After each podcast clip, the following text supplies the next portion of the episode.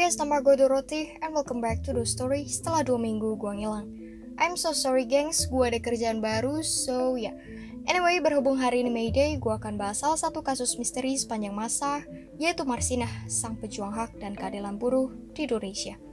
Sebelum mulai disclaimer aja, ada beberapa part yang mungkin akan bikin kalian uneasy pas dengerin. Skip aja kalau nggak kuat ya. So, siapa bunuh Marsinah? Without any further ado, langsung aja kita mulai ceritanya. Marsinah, perempuan kelahiran desa Ngelundo, Kabupaten Nganjuk, 10 April 1969, merupakan seorang aktivis dan buruh pabrik yang bekerja pada PT Catur Putra Surya atau CPS, Porong, Sidoarjo, Jawa Timur. Ia ditemukan tewas terbunuh pada 8 Mei 1993 setelah tiga hari dinyatakan hilang. So, Marsinah terbunuh di usianya yang masih sangat muda, yaitu 24 tahun, seumuran sama gua sekarang. Jadi, kenapa Marsinah melakukan aksi protes? Sedikit background yang perlu kalian ketahui. Pada tahun 1992, pemerintah saat itu, Soeharto, mengeluarkan sebuah aturan yang tertulis dalam Kepmen 50-1992. Aturan itu berisikan bahwa UMR Jawa Timur ialah sebesar Rp2.250 per bulan. Padahal pada kenyataannya saat itu Marsinah dan kawan-kawan hanya digaji sebesar 1.700 rupiah per bulan. Kemudian Pemprov Surabaya meneruskan aturan itu dalam bentuk surat edaran Gubernur KDH tingkat 1 Jawa Timur 50-1992. Isinya meminta agar para pengusaha menaikkan gaji buruh sebanyak 20%. Aturan itu ditolak pihak pengusaha pada umumnya dan mengakibatkan banyaknya aksi protes dan mogok kerja. Kedua pihak baik pekerja maupun pengusaha merasa dirugikan sehingga tak ada yang mau mengalah. Karena itu, buruh PT CPS menggelar mogok kerja pada 3 Mei 1993 dan membawa 12 tuntutan pada pemerintah serta pengusaha. Sebaik 150 dari 200 buruh pun melakukan mogok kerja. Diketahui satu bulan sebelum Marsinah dibunuh, Presiden Soeharto menghadiri pertemuan hak asasi manusia di Thailand. Dalam forum itu, Soeharto menyatakan RUU Hak Asasi Manusia yang dicanangkan PBB tidak bisa diterapkan di negara-negara Asia. Jenderal tangan besi itu menjelaskan di Asia warga tak bisa bebas mengkritik pemimpinnya. So Soeharto melakukan intervensi yang kuat untuk memonitor dan mengatur protes buruh. Dia memiliki perangkat surat keputusan Bakor Tanas nomor 2 Satnas 12 1990 dan keputusan Menteri Tenaga Kerja nomor 342 Men 1986. Isinya, jika ada perselisihan antara buruh dengan pengusaha, maka yang berhak memediasi adalah militer. Now, kita masuk ke bagian kronologi terbunuhnya Marsinah. Pada tanggal 3 Mei 1993, Yudo Prakoso, rekan Marsinah yang memimpin aksi mogok kerja hari pertama, ditangkap dan dibawa ke kantor Koramil 0816-04 Porong. Karenanya Marsinah menjadi pengganti untuk memimpin kendali protes buruh tersebut. Singkatnya, setelah penangkapan Yudo tersebut, ada 12 buruh lain yang juga terlibat aksi mogok kerja itu dipanggil aparat Kodim Sidoarjo dan dipaksa mengundurkan diri dari pabrik. Mengetahui kawan-kawannya dipaksa resign, Marsinah menyatakan tekadnya untuk menuntut Kodim dengan bantuan koleganya di Kejaksaan Surabaya. 6 Mei 1993, setelah perkara mogok kerja berhasil diredam, para buruh kembali bekerja. Tapi tak seorang pun yang melihat Marsinah. Ia diduga pulang kampung ke Nganjuk sampai pada hari mayitnya ditemukan di sebuah gubuk pematang sawah di desa Jagong, Nganjuk. Jenazahnya di visum Rumah Sakit Umum Daerah Nganjuk, pimpinan Dr. Jekti Wibowo.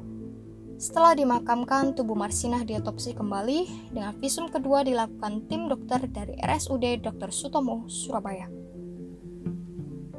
Ada banyak kejanggalan pada kedua hasil VR atau visum et repertum. Yang pertama, laporan visum RSUD Nganjuk sangat sederhana. Hanya satu halaman dan tidak ada laporan tentang keadaan kepala, leher, dan dada korban. Padahal visum yang dilakukan adalah bedah mayat. Kemudian pada visum pertama dilaporkan tulang panggul bagian depan hancur. Tapi dalam visum kedua disebutkan tulang kemaluan kiri patah berkeping-keping, tulang kemaluan kanan patah, tulang usus kanan tengah patah sampai terpisah dari selangkangan. dan selangkangan kanan patah seluruhnya. Setelah itu, labia minora kiri robek dan ada serpihan tulang, pendarahan sebaik satu liter dalam rongga perut, serta memar kandung kemih dan usus bagian bawah. Lalu, kesimpulan pada korban adalah korban meninggal akibat pendarahan dalam rongga perut. Seharusnya laporan kematian yang diungkap pembuat visum adalah penyebab kematian, misalnya tusukan, tembakan, atau cekikan. Bukan mekanisme kematian seperti pendarahan atau mati lemas, karena mekanisme tidak akan menjelaskan perihal atau benda yang menyebabkan kematian seseorang. Menurut bukti di persidangan, Marsina diikat dalam kamar majikannya Budi Susanto dan alat kelaminnya disodok oleh tiga orang berbeda. Hasil visum mengungkap pada genital hanya ada satu luka sedalam 3 cm. Kalau disodok oleh tiga orang berbeda, seharusnya luka pada genital lebih banyak, kecuali alat yang dipakai untuk menusuk kemaluan korban tidak dicabut dan masih menempel di dalam tubuh korban. Logika itu pun terbantahkan dengan barang bukti yang ditunjukkan berupa balok yang ternyata lebih besar dari ukuran luka pada tubuh korban. So, menurut Dr. Abdul Munim Idris, sarjana forensik dalam buku Indonesia X-Files, satu-satunya kekerasan yang dapat menyebabkan kerusakan sedemikian hebat adalah luka tembak. Karena kerusakan parah hanya bermula pada labia minora kiri dengan luka sebesar 3 cm, tapi akibat kerusakannya bisa membentur tulang usus kanan dan memantul ke tulang selangkang. Pertanyaannya, siapa yang punya akses senjata api pada masa itu? Oke, ceritanya belum selesai, gengs. Tarik nafas dulu. Kita masih belum membahas siapa pembunuhnya. Pembahasan berikutnya mengandung konten yang tidak mengenakan, jadi yang gak kuat atau jijikan boleh di skip aja ya. So, setelah Marsinah ditemukan tewas, penyelidikan terhadap terduga pelaku pembunuhan Marsinah pun dilakukan. Tanpa surat penangkapan, aparat militer berbaju preman mencekok dua satpam dan tujuh pimpinan PT CPS Kesembilan tersangka digelandang ke markas Detesmen Intel Kodam 5, Brawijaya, Wonokolo.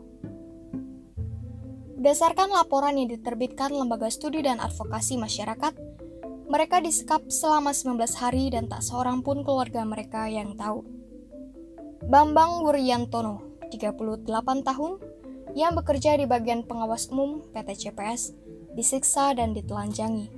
Kemaluannya disetrum berulang kali saat integrasi pun kakinya ditindih kaki meja, dan kemaluan serta perutnya di sudut rokok.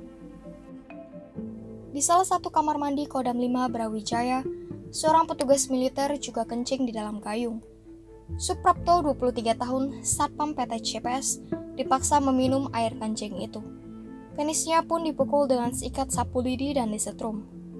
Mulut Suprapto pun disumpal celana dalam untuk meredam jeritannya saat disiksa. Kepalanya ditetak dan ketiaknya disundut rokok. Ahmad Sution Prayogi, Satpam 58 tahun, tak bisa mengunyah makanan selama lima hari sebab aparat Kodam 5 Brawijaya merontokkan giginya. Mutiari, 27 tahun, ketua bagian personalia PT CPS, yang satu-satunya perempuan dalam penyekapan itu.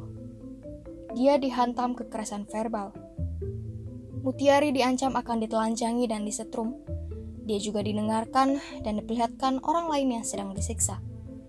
Penyiksaan itu pun menyebabkan Mutiari kehilangan bayi yang sudah dikandungnya selama tiga bulan, dan ia keguguran saat itu juga. Yudi Susanto, Direktur PT CPS, ia juga disetrum alat vitalnya. Dia dipaksa mengepel lantai salah satu ruang kodam dengan lidah dan diminta mencabut rumput dengan mulut. Aparat militer pun tak segan meludah ke mulutnya, lalu Susanto diminta menelan ludah itu.